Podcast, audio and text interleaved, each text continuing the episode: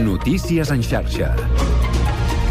Bona tarda, són les 4, us parla Mercè Roura. Comencem fent un cop d'ull a les carreteres catalanes avui divendres amb el Servei Català de Trànsit. Connectem amb Eduard Sánchez. Bona tarda. Hola, bona tarda. En aquest moment seguim parlant de l'autopista AP7, per una banda pel tall de trànsit que hi ha a la frontera per la manifestació dels agricultors francesos que tallen l'autopista en aquest punt de la frontera. De moment ja recordem que el trànsit es desvia força abans, a la sortida 3, de Figueres Nord ja tots els vehicles són desviats en aquest punt. Es recomana agafar sortides anteriors a aquesta. Aquí en aquest punt hi ha uns 5 quilòmetres de, de retencions. A banda d'aquesta incidència, que es manté des de mig matí, també a l'autopista AP7, en aquest cas a Barberà del Vallès, hi ha hagut un accident. En sentit Girona hi ha dos carrils tallats i més de 4 quilòmetres de retenció des de Bellaterra, pràcticament, fins a aquest eh, punt de, de Barberà. També aturades en sentit contrari entre Santa Perpètua Barberà, en sentit Tarragona. A banda, tot el volum de trànsit a aquesta hora, com la C33, el C58, de Montcada cap al Nus, d'entrada, les dues rondes en força trams, en sentit Besòs, o també de sortida l'autovia 2 de l'Hospitalet a Cornellà i també l'autopista C32 a Sant Boi de Llobregat. És tot. Bona tarda. Bona tarda, gràcies Eduard. Continuem pendents del trànsit. Anem a altres temes. Infermeres de Catalunya acusa els sindicats signants del darrer acord de l'Institut Català de la Salut d'haver pressionat, d'haver-les pressionat per convocar la vaga indefinida. Recordeu que va passar ahir a la tarda. La presidenta del sindicat minoritari, Núria Guiradó, ha explicat a la xarxa que no els van donar cap altra opció i que hi van haver d'acabar l'aturada a contracor després de reunir-se amb el conseller Balcells. El sindicat va acceptar algunes millores laborals organitzatives, sobretot, però no van aconseguir el complement salarial que demanaven. La vaga, recordem, va durar prop d'un mes i mig. I més temes encara. El ministre de la Presidència i de Justícia, Félix Bolaños, ha defensat avui l'espionatge del CNI a Pere Aragonès, avui que precisament el president desmentia estar, haver estat al darrere dels eh, CDR. En l'etapa de vicepresident i diu que respon al funcionament normal de l'estat de dret en remarcar que ni el CNI ni el Tribunal Suprem havien d'informar l'executiu espanyol sobre l'espionatge a Aragonès.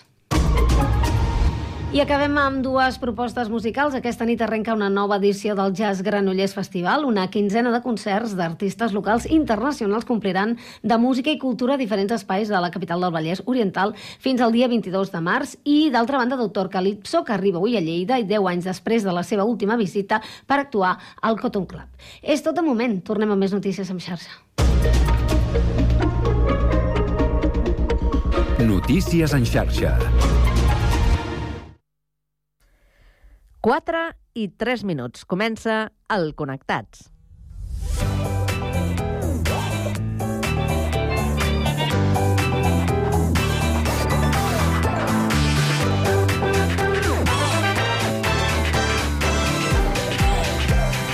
Connectats amb Carme Reversa.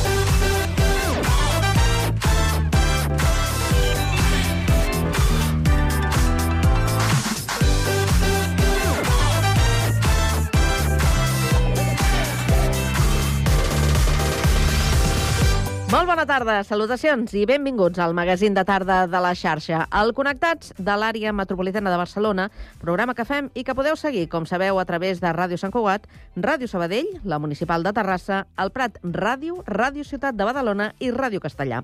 Una salutació de tot l'equip conduït a la part tècnica per Pablo Palenzuela, Sami Fernández a la producció i de qui us parla, Carme Reverte. Avui és divendres 26 de gener i volem saber Quin temps ens espera aquesta tarda? Lluís Mi Pérez. No hi ha manera que canvi el temps i, de fet, a hores d'ara tornem a tenir unes temperatures de mànigues de camisa. Només en algun raconet de les comarques de Ponent la boira encara no s'ha desfet i, per tant, l'ambient és més fred, sobretot molt més humit, però ja diem, a la resta del país a hores d'ara aquesta temperatura s'enfila, fins i tot ho està fent més que ahir en algunes comarques de Barcelona i de Tarragona. Al llarg d'aquesta tarda la boira de Lleida en molts casos s'acabarà aixecant, no desfent del tot perquè quedaran encara alguns núvols baixos, la temperatura mandrosa per tant, i a la resta de comarques, que serà el 95% del territori català, la tarda es torna a presentar del mes d'abril, amb alguna boirina que anirà afectant la costa, sobretot ja quan es vagi fent de nit, especialment a la costa daurada. Al cap de setmana, temperatures encara altes, per bé que diumenge ja començaran a baixar una miqueta. Diumenge també hi haurà més núvols baixos, especialment a la costa i prelitoral, i boires a l'interior, sobretot a Lleida, que ja el diumenge a la tarda fins i tot s'acabaran esqueixant del tot. Us seguirem a la xarxa.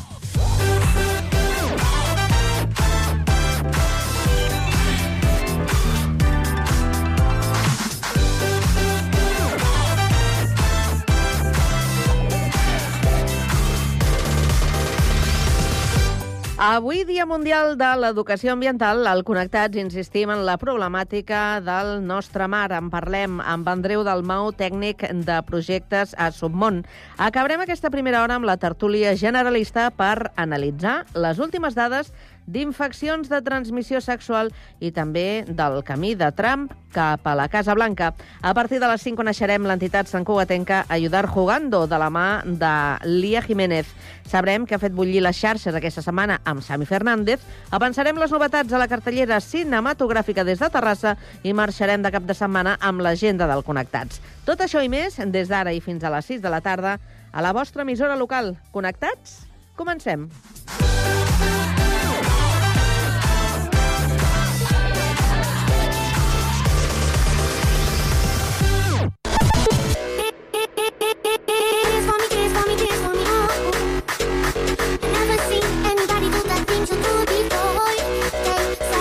Connectats, una experiència radiofònica a Sabadell, Terrassa, Sant Cugat, El Prat, Castellà i Badalona.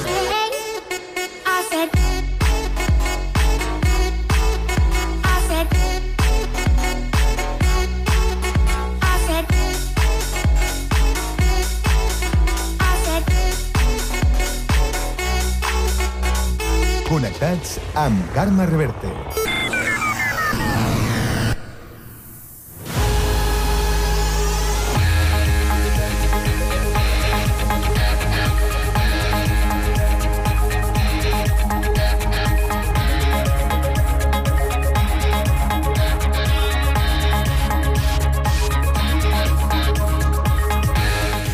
4 i 7 minuts ens actualitzem i ho fem, com sempre, amb la ronda d'actualitat, que també avui obrirem per Terrassa. Sergi, està bé, bona tarda.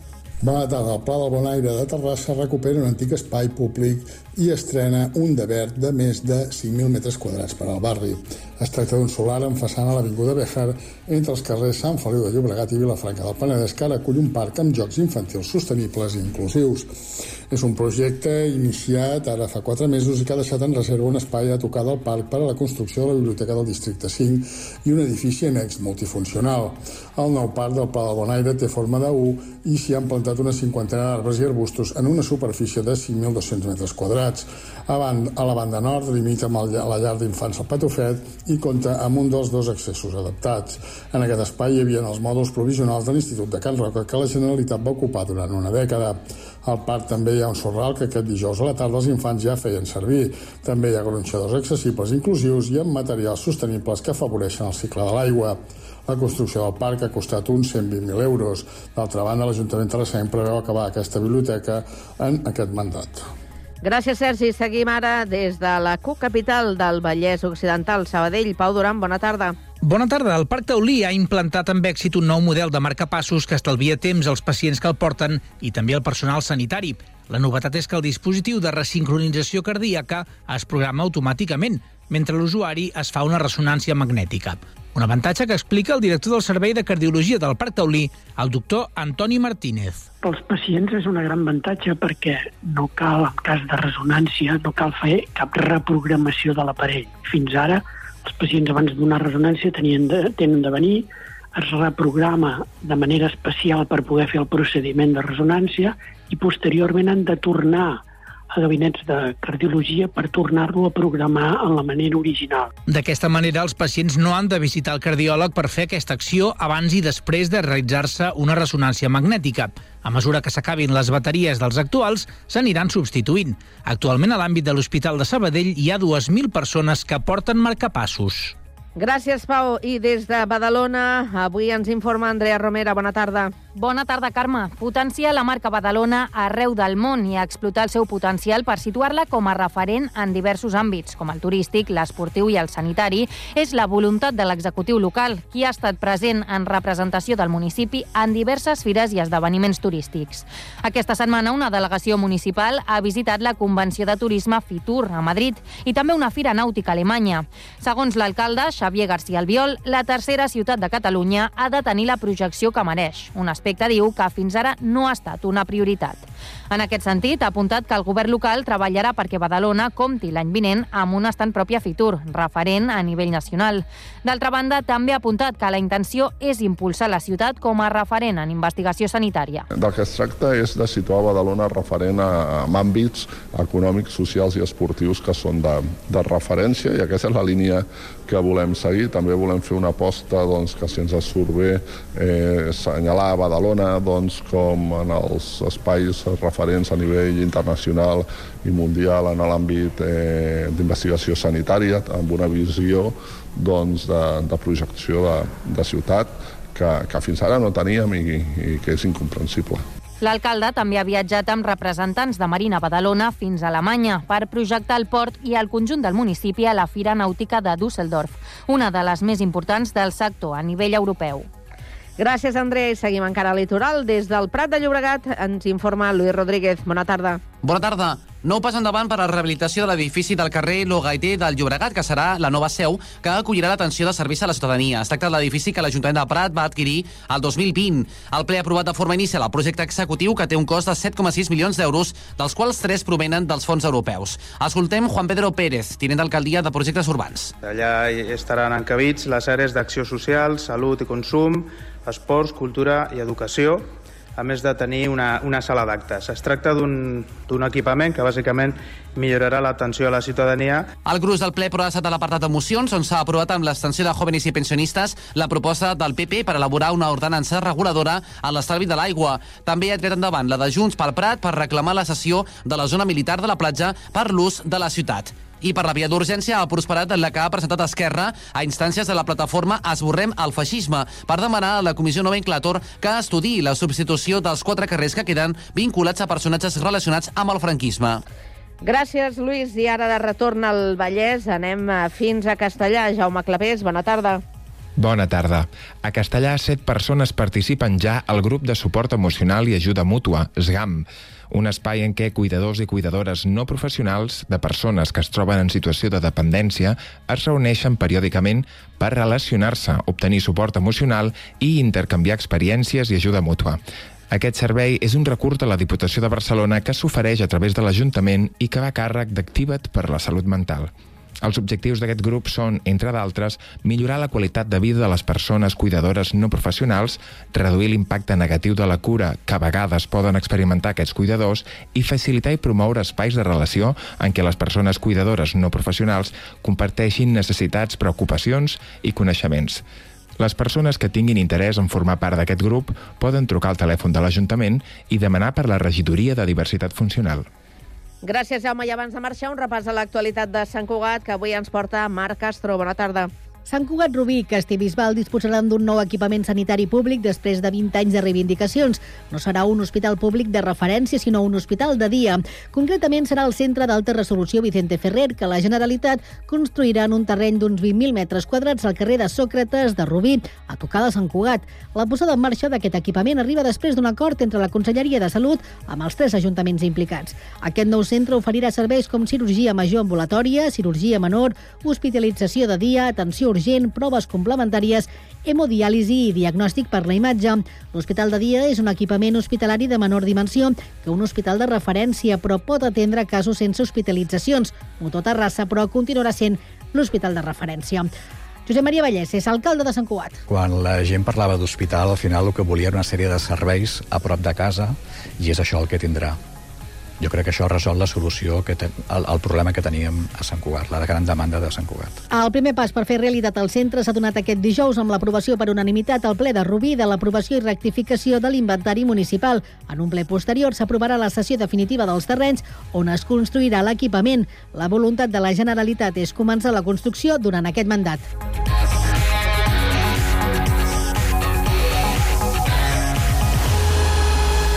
A la tarda, no et desconnectis. A la teva ràdio local, connectats. Can't touch this. Can't touch this.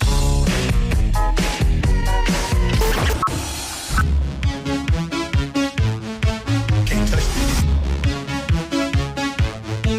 Can't touch this. Connectats amb Carme Rebell.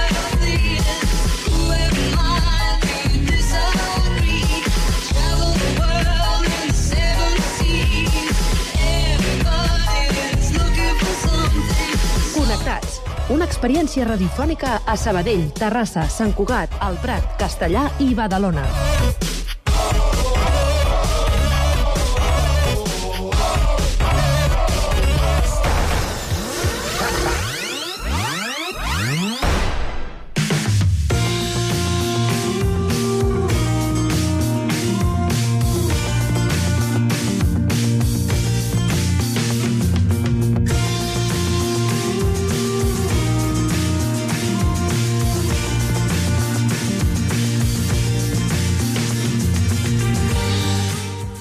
És el Dia Mundial de l'Educació Ambiental, una jornada que pretén identificar les principals problemàtiques ambientals i conscienciar a la població sobre aquestes mateixes. Per això ens anem al litoral, a Badalona, per parlar sobre la situació actual del medi marí i què és el que podem fer per millorar-la.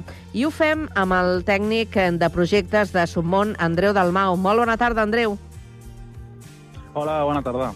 També saludem a la nostra companya Andrea Romera, que es troba als estudis de Ràdio Ciutat de Badalona. Bona tarda, Andrea. Bona tarda. Bé, Andreu, quines diries tu que són les principals fonts de, de contaminació del medi marí? Eh, bé, eh, bona tarda. Jo crec que a l'hora de parlar de contaminació al medi marí es pot distingir dos tipus de, de contaminants, no? Uns serien els contaminants, eh, diríem, químics, productes eh, tòxics que arriben al medi marí, metalls pesants, eh, olis, hidrocarburs, eh, que seria aquesta contaminació més química, i després hi haurien el que serien residus sòlids, als quals doncs, podríem englobar tot el que són deixalles marines, que serien doncs, qualsevol residu eh, sòlid que acaba arribant al, al medi marí. Ah, fent aquesta distinció, eh, ara et preguntem eh, quin és l'origen d'aquestes deixalles, de les químiques i dels residus sòlids. Bé, eh, les deixalles químiques, dir- diríem que són, són productes eh, tòxics, químics, eh, que acaben arribant al medi marí doncs, per diferents vies, ja, ja sigui doncs, per vessaments accidentals, com també vessaments il·legals, també accidents no?, que acaben produint eh, que acabin arribant aquests productes al medi marí. No? Aquests productes, el problema que tenen és que alguns d'ells, com per exemple passa amb el cas dels metalls pesants, doncs, eh, s'acumulen al llarg de la cadena tròfica, de manera que els, els peixos, diríem, que estan a les parts més superiors de la cadena tròfica, són els que després eh, acumulen més quantitat i per això és, és un exemple típic el, el que a les, a les dones embarassades no se'ls deixa menjar doncs, tonyina o, o peix espasa quan, està, quan són lactants, no? perquè si no aquests, aquests, en aquest cas sobretot el mercuri que, que acumularien en el teixit gras, doncs després el donarien al, al, al bebè. No? Aleshores aquest seria un tipus de contaminació i en quant a les deixalles marines, eh, les principals fonts d'entrada de deixalles del medi marí doncs serien les deixalles eh, d'ús comú, és a dir, les que la societat utilitza, utilitza molt, no? i aquestes doncs, són, ja sigui per mala gestió de, dels residus que es produeixen, com també de, de, del, el, la, la, com a consumidors doncs, també llançar-los en el lloc correcte o inclús en el transport o, o això pot provocar que aquesta, aquests residus acabin arribant al medi natural i del medi natural o d'una ciutat o de qualsevol lloc acabant arribant al medi marí on per desgràcia per les condicions del medi doncs, s'hi acumulen. Mm -hmm. De totes aquestes deixalles, Andreu, tant les químiques com els residus sòlids, quines serien les més perjudicials per la biodiversitat marina? Bé, jo crec que el, el residu principal, sobretot perquè és el, el més abundant i també el que doncs, per, la seva pròpia, eh, per la seva pròpia configuració és més problemàtic, serien els plàstics, no? perquè són materials que són molt resistents, que perduren molt en el temps i, per tant, són els que un cop entren en un medi com el marí doncs es van, eh, tenen una gran capacitat per dispersar-se, per anar a diferents eh, per moure's dins del medi marí, eh, i per tant doncs, acaben sent un problema. Un problema sobretot perquè eh, pensem que els animals eh, marins doncs, no saben què és un plàstic i ja sigui per confusió, eh, perquè s'assembli doncs, a una bossa de plàstic que pot, pot semblar-se a una medusa, pot semblar-se a un calamar, això provoca que, que hi hagi animals que, que es puguin alimentar aquests plàstics eh, sense saber que s'estan menjant plàstics, i també s'ha comprovat inclús no és només un tema de confusió, sinó que aquests s'hi fixen. Ten tenim alguns eh, problemes amb la comunicació. Eh, Andreu, no sé si l'hem Sembla perdut. que no ens, no ens sent l'Andreu. L'hem perdut, definitivament? tornem a, a trucar-lo. Mentrestant... Sí. Sí, sí, sí, a veure si, si el recuperem i anem avançant en aquesta... Sembla que el tenim. Sí, el tenim ja el tenim, Andreu. Molt bé. Ens sents un altre cop? Hola, sí. Estàvem parlant dels plàstics, Andreu, i et volia preguntar si aquests plàstics poden arribar a ser perjudicials també per la salut humana. Abans parlaves dels químics que poden afectar les dones embarassades. En el cas dels plàstics, ens poden afectar els humans d'alguna manera també, a banda de, de la bio- biodiversitat marina? Bé, els plàstics, alguns d'ells doncs, poden portar alguns components químics que poden arribar a ser perjudicials. També és veritat que moltes vegades serveixen com a, diríem, com a vector, no? perquè els més puguin fixar l'estructura i fer un- una manera de transportar-los. Sí que és veritat que als éssers humans es, està ja provat no? que, per desgràcia, doncs, poc o molt ens alimentem de, de plàstic, perquè els plàstics eh, doncs, són una miqueta tot arreu i, i involuntàriament doncs, a, ens els consumim, no? Sí que és veritat que tampoc no hi ha cap, eh, a hores d'ara no hi ha eh, cap estudi doncs, que demostri un, una, una causa directe de consumir plàstic a tenir una certa malaltia, no? A part d'aquestes coses associades a, a, contaminants que poden portar aquests plàstics, però, però no pel consum directe de plàstic no s'ha relacionat amb una, amb una malaltia concreta, no? Tenim de moment. Sí que és veritat que la quantitat de plàstic que ingerim cada vegada superior, no?, eh, per desgràcia, i per tant és un problema que ara no, no, no està encara previst, però que en el futur no sap molt bé com serà, què pot arribar a passar, no? Se sap quina és la xifra de plàstic que hi ha actualment al medi marí en quilograms o en tones?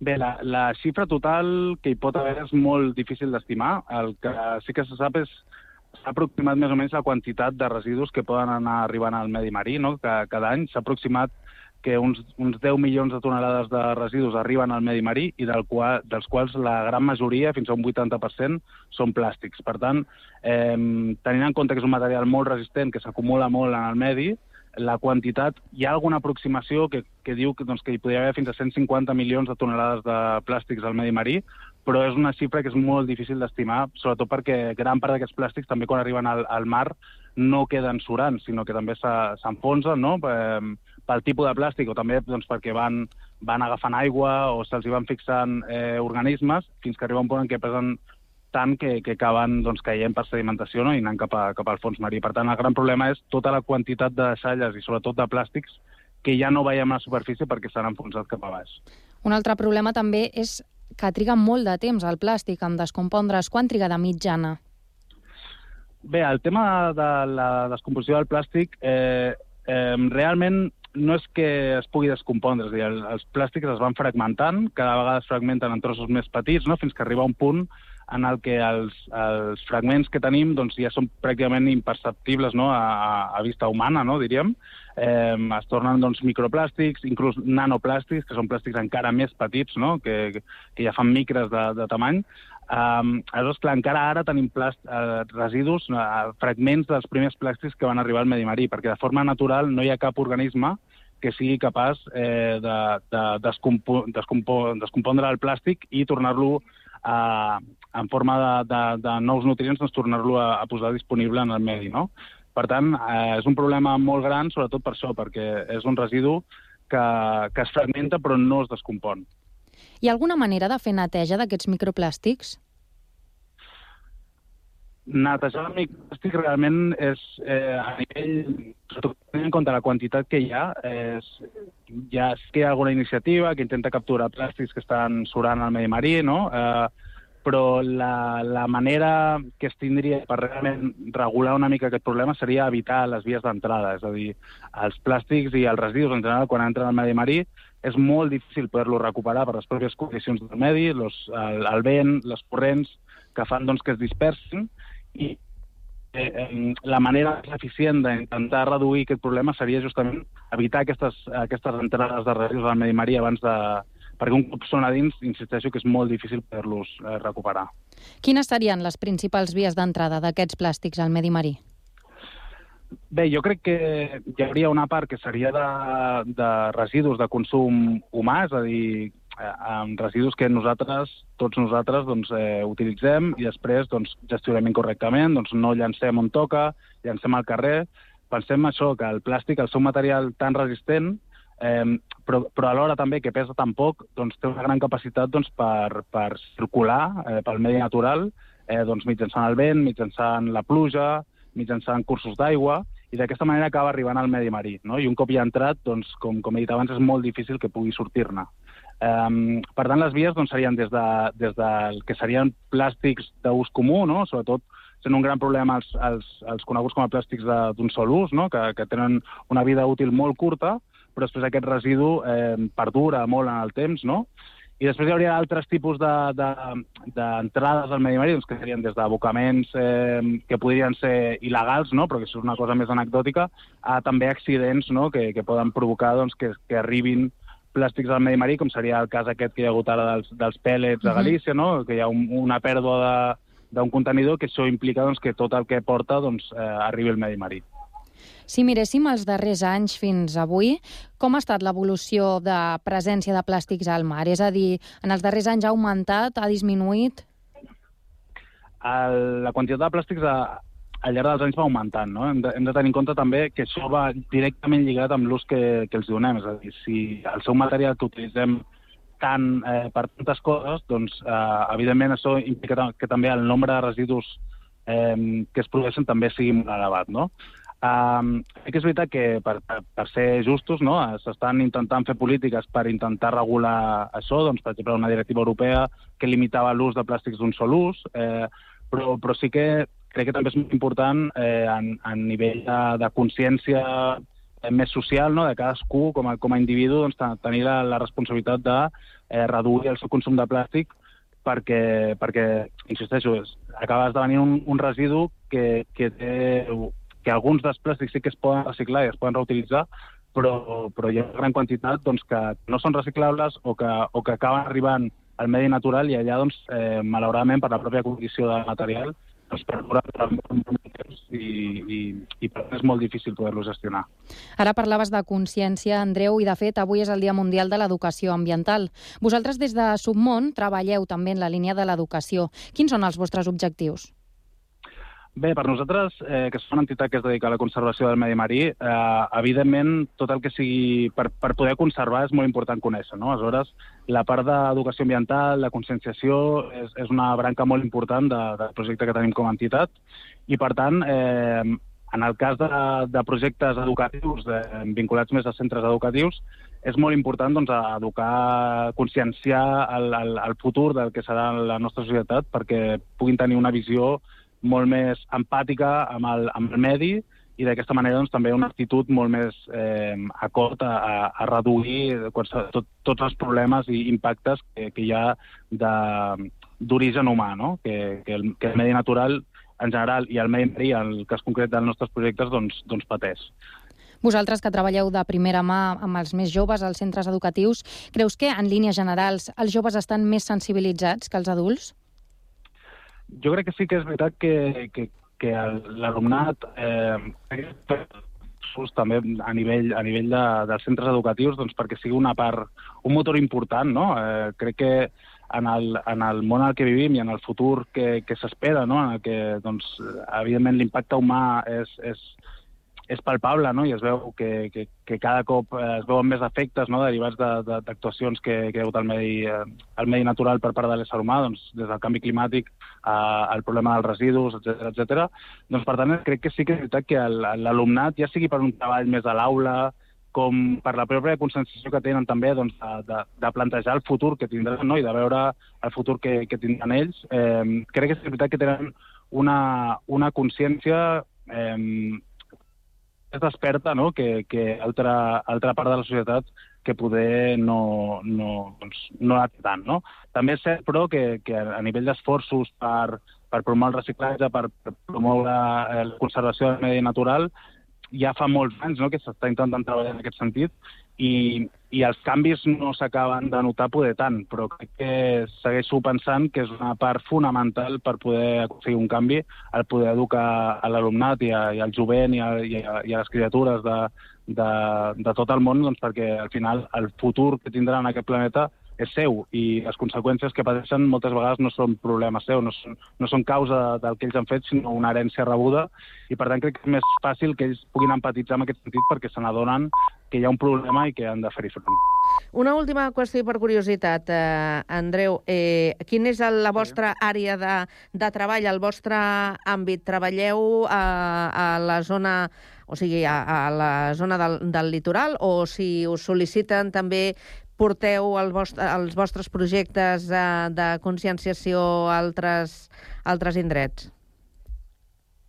Bé, nosaltres som projectes... Eh, L'àmbit de treball, és a dir, el que ens dediquem seria al medi marí, però sí que els projectes sobre el medi marí no els fem només a la costa. Vull hem de tenir en compte que, que el medi marí és fonamental pel, pel funcionament, pel clima, és a dir, mm. no només eh, afecta a les poblacions eh, que viuen al prop de la costa i, per tant, els projectes tampoc els centrem exclusivament a les poblacions que, que hi ha a la costa. Eh, per exemple, vam fer un projecte educatiu centrat en, en escoles rurals agrupades de tota la part justament que no tenia litoral, de totes les comunitats autònomes que no tenien litoral, en el qual doncs, vam tenir l'oportunitat d'acostar al mar a tota una sèrie d'alumnat que en alguns casos no havia anat mai a la platja ni havia vist mai al mar. Per tant, això també és una part molt maca de, del projecte que tenim com a entitat, doncs, també de, en aquest sentit d'intentar impulsar doncs, el coneixement del medi marí i d'aquesta manera doncs, també canviar una miqueta la relació que té la, eh, la societat amb el, amb el mar. Mm -hmm. Molt bé, doncs Andreu Dalmau, tècnic de projectes de Submont, moltíssimes gràcies per passar avui precisament pel Connectats. Que vagi molt bé. Bona tarda. Moltes gràcies, bona tarda. Gràcies, Andrea. Fins després. Bona tarda, Carme. Adéu-siau.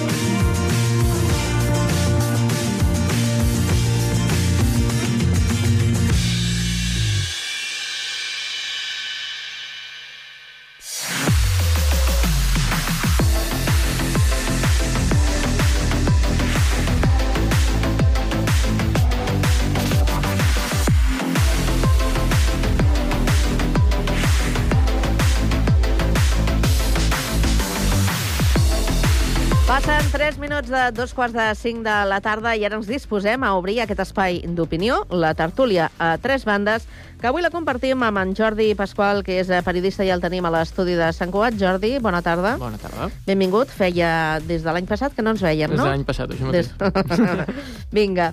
Anem fins al Prat. Allà ens espera el Joan Camps, que és llicenciat en Ciències Econòmiques i Empresarials, és escriptor i exregidor d'aquest municipi. Joan, bona tarda. Bona tarda. Molt bona I bon tarda. I bon any també, sí, bon any. I a Sabadell ens espera l'Alistair Sperring, que és traductor i wikipedista. Alistair, bona tarda. Hola, com esteu? Molt bé, estem molt bé.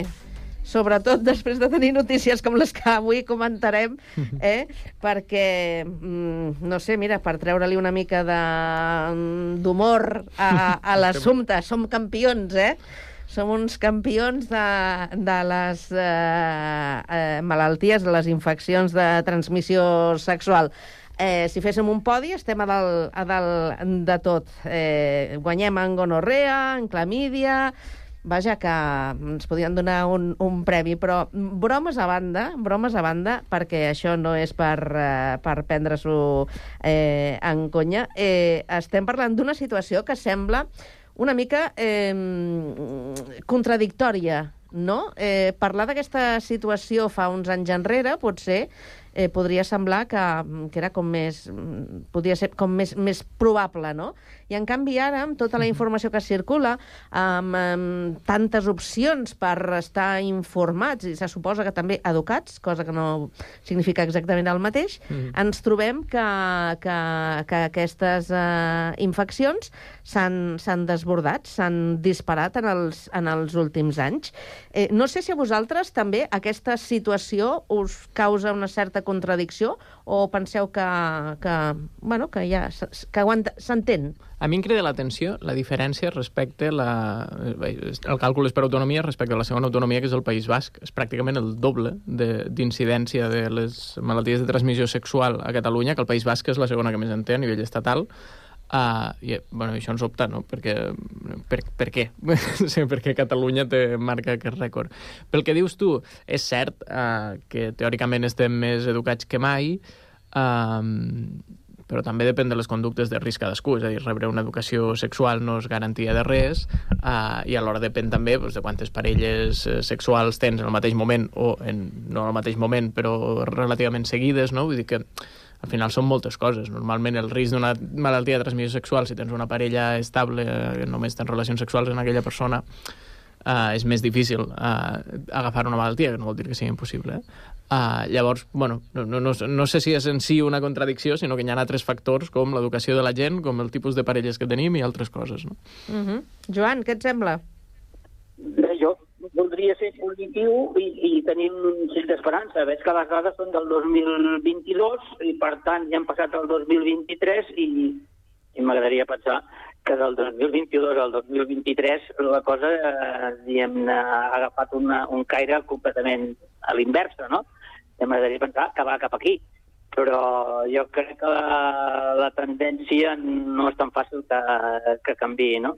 I el que em sobta molt és la diferència també, com comentava, eh, eh, de- entre Catalunya, que és la, la, primera, però amb molta diferència respecte a la resta de comunitats, no? I, Mm. i això no sé quin motiu no se m'acut en aquests moments quina causa pot ser que hi hagi al nivell de, tan desproporcionat, eh? perquè és que és, que, és que és que és el doble, no?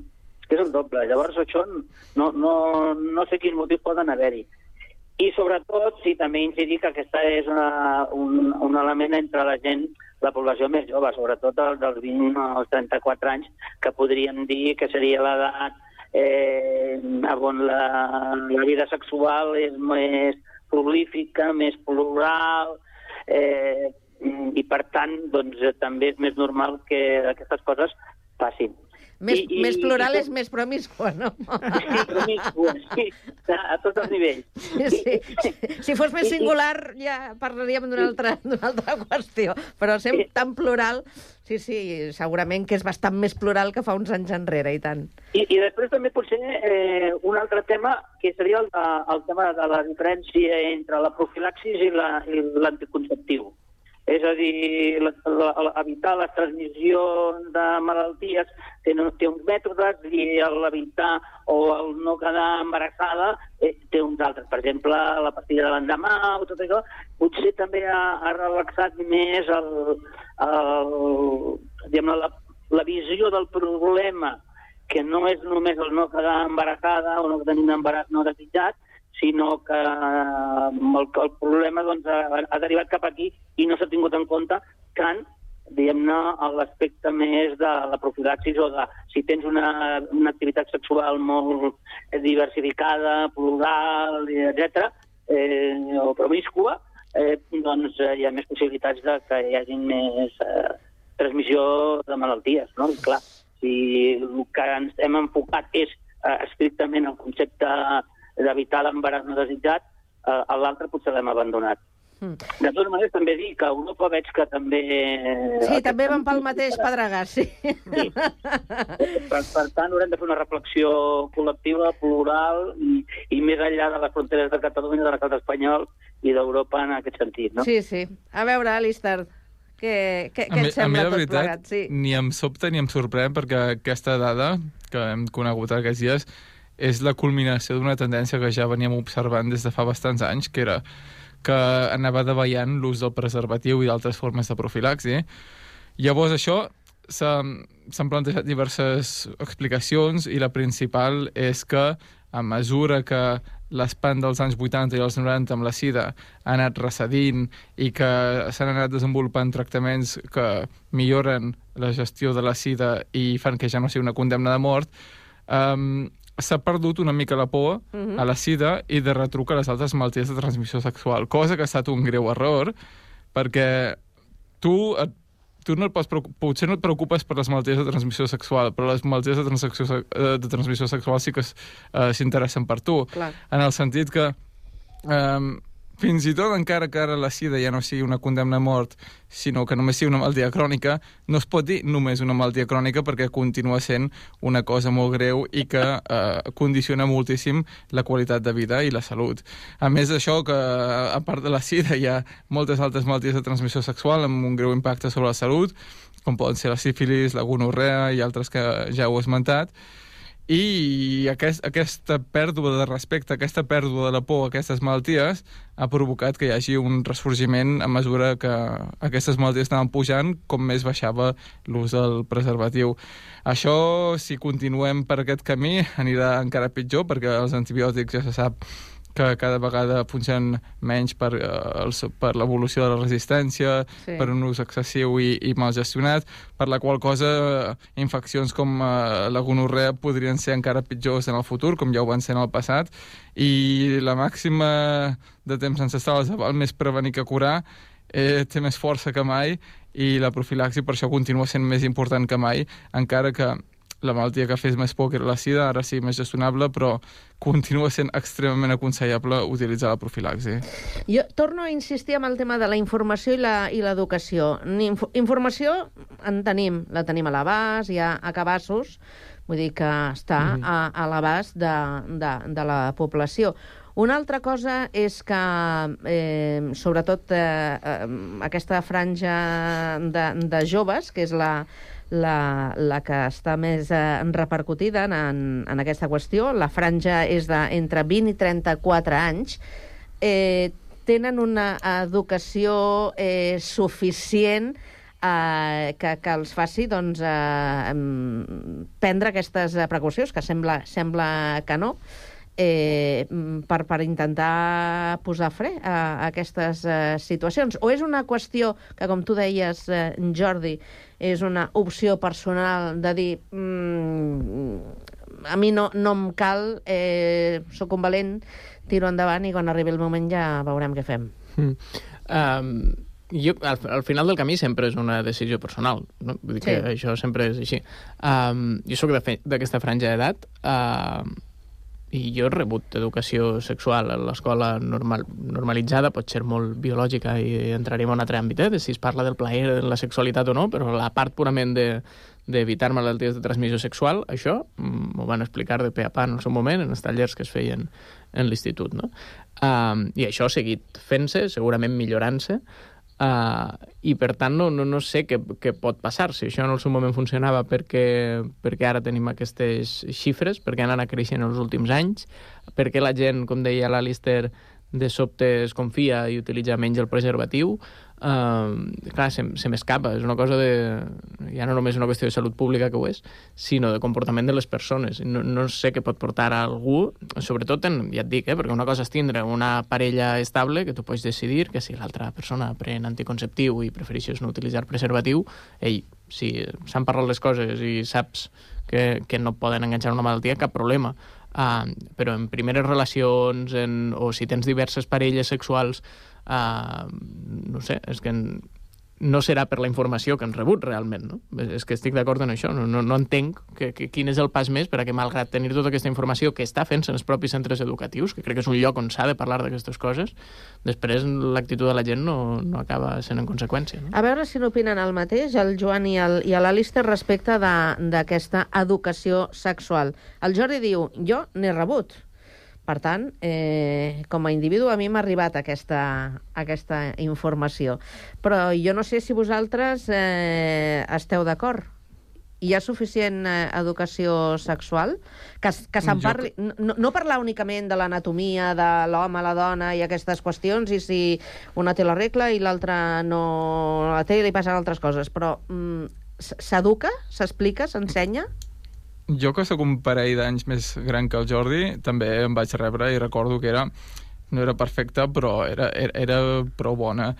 I el, el que veig jo és que la informació arriba fins a un límit. Per exemple, el tabac, tots sabem que pot provocar mil malalties i que hi ha gent que acaba morint d'aquestes malalties i tanmateix Mm. la, i la gent, hi ha, hi ha molta gent que continua fumant i aquestes persones que fumen són perfectament conscients però al final també hi ha un altre element més enllà de la informació pura i dura que és per exemple eh, el que comentàvem abans els, els aspectes més emocionals, me, menys tangibles que és que eh, si, si una cosa no et fa gaire por doncs llavors encara que tu intel·lectual, a un nivell intel·lectual sàpigues que no és bo per tu, doncs penses, "Bé, ja ho faré, em queda, em queda molt lluny el, el, el possible perjudici que em pugui provocar. I llavors, jo crec que deu ser això, perquè um, la, la por que hi va haver amb, amb l'espant de la sida als anys 80 i 90 devia fer pujar l'ús de la profilaxi i, per tant, es van reduir també, de retruc, el, es va reduir la transmissió d'altres malalties de transmissió sexual, perquè abans, um, a, cap a, a mitjans de segle passat, o fins i tot abans, quan llegeixes llibres d'història, veus que tothom agafava sífilis o gonorrea o altres malalties sí. i que eren malalties relativament esteses, no? Per tant, que abans que hi hagués la por aquesta, i de fet fins i tot al principi de l'expansió de la sida, hi havia, hi, hi havia menys preocupació tot i que ja es coneixien els efectes eh, perjudicials d'aquestes malalties. I llavors va venir aquest espant que va ficar la por al cos i es va sumar doncs, el, el, els coneixements a nivell intel·lectual i la por a nivell emocional i tot això es va combinar per eh, augmentar el, el, el tema de profilaxi. I ara, com que s'ha perdut aquesta por, doncs jo, jo ho veig una mica així, que és com amb el Ja. tabac. A nivell intel·lectual se sap, però a nivell emocional potser ja no es pot ser tant i per això ha, hi ha gent que ho fa tot i tenir tots els elements per saber que no és bo per la salut. Eh, llavors, eh, en Joan, eh, com diuen els experts, calen més campanyes com aquella del Pónselo, Póntelo, us en recordeu? Sí. Potser sí, potser sí, potser sí. Jo crec que, bueno, des des del punt de vista a de Catalunya en aquests moments amb les dades que aquí es posa la notícia, sí. eh, potser la Generalitat hauria de fer també un- una campanya sobre aquest tema, perquè eh, jo el- la, la diferència aquesta de la, de la, de, de, la, de la notícia aquesta eh, de Catalunya respecte a la mitjana espanyola i respecte a la resta de comunitats és, és tan forta que potser haurien de fer a, alguna campanya més perquè eh, sí que es treballa això a nivell de centres educatius, també s'hauria de treballar no només a nivell de centres educatius, que és una feina, diguem eh, jo diria que col·lateral. Això, bàsicament, es treballa també a nivell familiar, a casa també s'ha de treballar tots aquests temes. I dic que, bueno, que, eh, que també tot depèn d'aquell que pensa que a mi no m'agafarà, no? I, clar, eh, amb aquesta teoria, no?, i anar i tirar i, no, i passa i no t'agafa una vegada i passa una altra vegada i tampoc et passa i vas tenint parelles de, així una mica més eh, noves i vas canviant i, i no et passa, doncs penses que no et passarà, però al final resulta que com que és un fet individual no et sents identificat, però quan passa els números a nivell col·lectiu, després el resultat és aquest que sí que s'ha extès. I clar, actualment eh, hi ha molta més relacions sexuals que fa 40 o 50 anys. Ho dic perquè jo sóc d'una altra generació una mica que, estem, que est- estic fora ja de, de, de una mica d'aquesta generació més afectada per, pels contagis d'aquesta malaltia Sí, sí. Diríem, jo, Joan, diríem que ara som més plurals, no? Que... els joves són més plurals que, que, érem, que érem nosaltres, sí. sí. Però també et trobes amb, amb por, però clar, també hi ha molta més pràctica sexual que a les generacions que són una mica ja més grans, que tampoc n'hi havia. Per Sí. sí. fer comparatives amb fa molts anys enrere respecte a tot això, eh, la sida va, va impactar, però és que en aquella època tampoc la pràctica sexual que hi ha ara tampoc era la, la mateixa. Mm, Ara trobes ja que hi ha diferents tipus de, de conductes, que ja cada vegada és més plural, que cada vegada són més diverses, que, que ja no sabem quin nom tenen cada una, no? I, clar, mm, això també contribueix, com més va el cántaro a la fuente, pues, més possibilitats de, de que s'enganxi alguna d'aquestes coses, Més no? profilaxi necessita. Exacte. Sí, sí, sí. Jo crec que potser, com el que deies, eh, que s'ha de fer una campanya i jo diria que a Catalunya ja, amb aquestes dades, urgent. Doncs que no, que no fem tard. Sí? Campanya sí? sí. Jordi, Sí, campanya sí? estaria bé fer una campanya. Estaria bé. Sí, sí. Sí? Alistair, campanya? Sí? Sí, fins i tot una campanya com les que fan amb els accidents de trànsit, que, que impacti, que vagi més enllà de la simple conscienciació i que fiqui la por cos del que representen realment aquestes malalties. Uh -huh.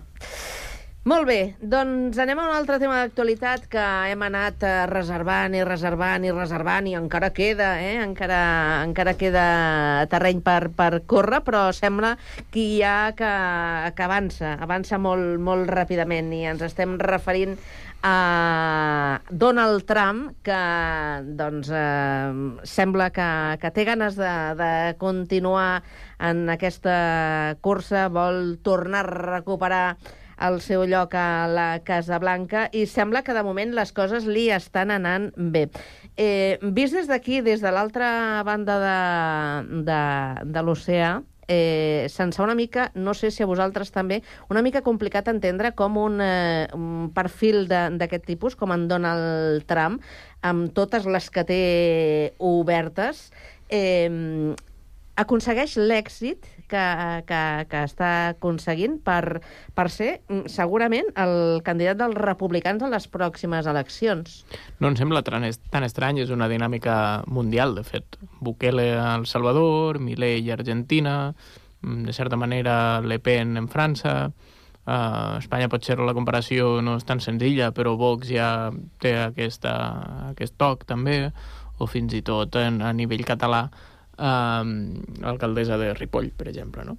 Vull dir que sí que hi ha uh, uns perfils que juguen a la contestació, a la a, mostrar allò políticament incorrecte com una cosa rupturista i, i atractiva per a un cert perfil d'electorat uh, desencantat i, i que estan triomfant a nivell mundial. I això és un problema de, la, de tota la resta de l'espai polític, més que és mèrit seu, òbviament, però de la resta de l'espai polític que ha sigut incapaç d'acontentar a certs sectors de la població que ara estan anant a, bus a buscar altres opcions que segurament són molt més excloents, eh, que van en detriment dels drets i que, bueno, ja, ja veiem les conseqüències que estan tenint en depèn de quins països i crec que El Salvador és l'exemple més clar en macropresons per a tancar a la delinqüència com a única solució davant d'un país que bàsicament del que sofreix és de desigualtat social. No?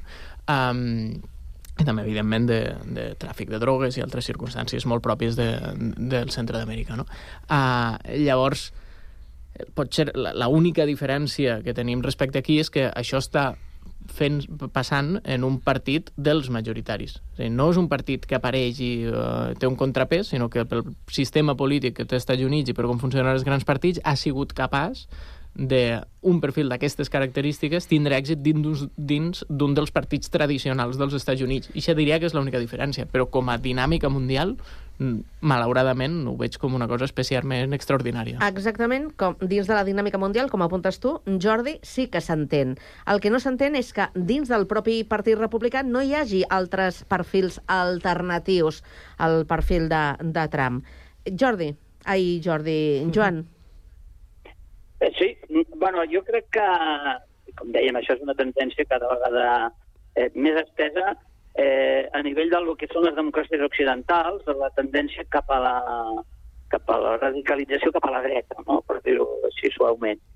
Eh, però també hauríem de fer una reflexió de la tendència que tenim cada vegada tots més eh, encara que no es noti, eh, diguem-ne, donar suport a determinades actituds que, que semblen a, a vegades, eh, diguem-ne, innocents, però que no ho són tant i que fomenten la suma de totes aquestes actituds que estem justificant, eh, es, es sumen cada vegada més cap a una visió més cap a la dreta de les coses, o per dir-ho d'una manera.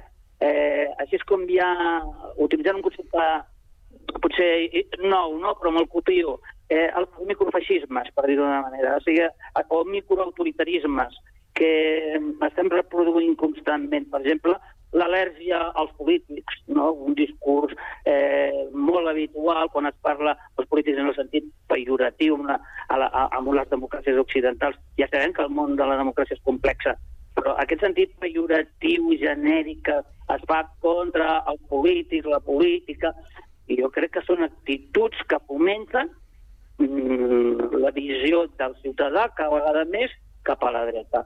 Mm. I després hi ha un altre tema, i és el... Vinga, que el- la deixarem a d'implicació. que si no, no li quedarà temps. Sí, Joan. la falta d'implicació amb, amb, amb la resolució dels conflictes, de la implicació individual, personal. És a dir, eh, deixar que els altres en resolguin els, els conflictes. Mhm. És a dir, aquesta delegació, allò que en deia l'Eric Prom, la por a la llibertat, ja deixem que algú eh, solucioni els problemes per nosaltres. Alistair. Jo, a, a nivell polític, sí que ho veig, ho marco en el nivell global, en el que està passant aquesta onada ultraconservadora que passa pel món, però a nivell personal sí que crec que val la pena traçar una diferència, que és que Trump, a diferència, per exemple, Javier Milei i alguns altres que heu citat, a més, ell personalment és una persona que en qualsevol temps normal hauria estat completament cremada políticament i que no, i que no se'l votaria ni per ser president de l'escala, perquè ella arrossega problemes a nivell personal, que ha estat implicat en casos d'assetjament sexual. Se l'està... Eh, ha, ha anat a judici per incitar a la insurrecció, ha insultat soldats i discapacitats i veterans i gent sense sostre. De fet, està, està sent encausat per 93 càrrecs diferents. Però la polarització, que també és un altre fenomen que estem vivint molt arreu del món, fa que molts dels seus li perdonin, perquè és, ja gairebé és com un equip de futbol, no? Eh, En, en molts sentits, la política dels meus eh, no poden fer mai cap error, tot el que els critiquen s'ho inventen els altres, i en canvi els altres són un dimoni. Això ho, ho hem vist molt en les bases dels republicans, que tot el que passi és una conspiració contra Trump i tot és mentida i tot és inventat.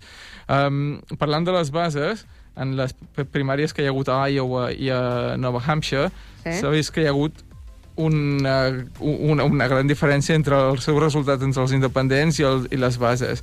I serà una cursa, aquesta campanya, de veure què, què passa abans, si la base de Trump eh, empetiteix cada vegada més fins que ja no pot guanyar, o si encara aguantarà suficientment per guanyar les eleccions, encara que després continuï creixent el malcontentament. Hem de, hem de deixar-ho aquí. Gràcies als tres, Jordi, Joan, Alistair, que tingueu molt bon cap de setmana. Gràcies. Bon cap de setmana. Igualment, bon cap de setmana. Adéu-siau.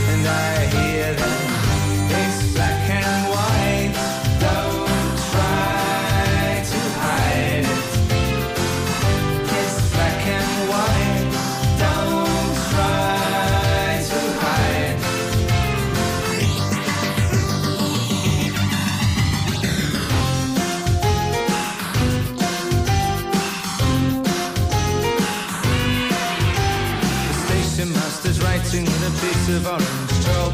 A hundred cancellations, still no one wants to walk. Keep the hungry children from the skeletons in the back. Aim to keep an eye out for the gypsy caravan. Waiting for the train that never comes.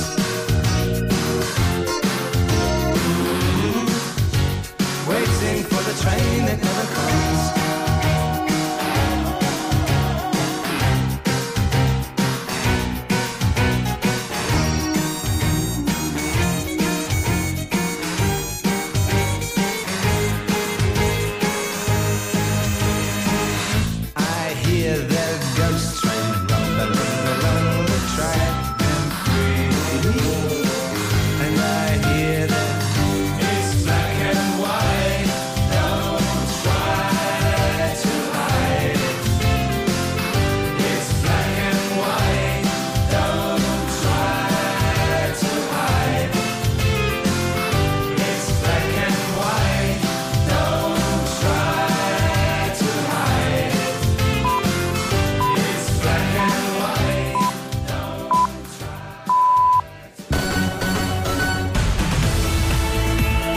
Ràdio Sant Cugat. Cugat Mèdia. Notícies.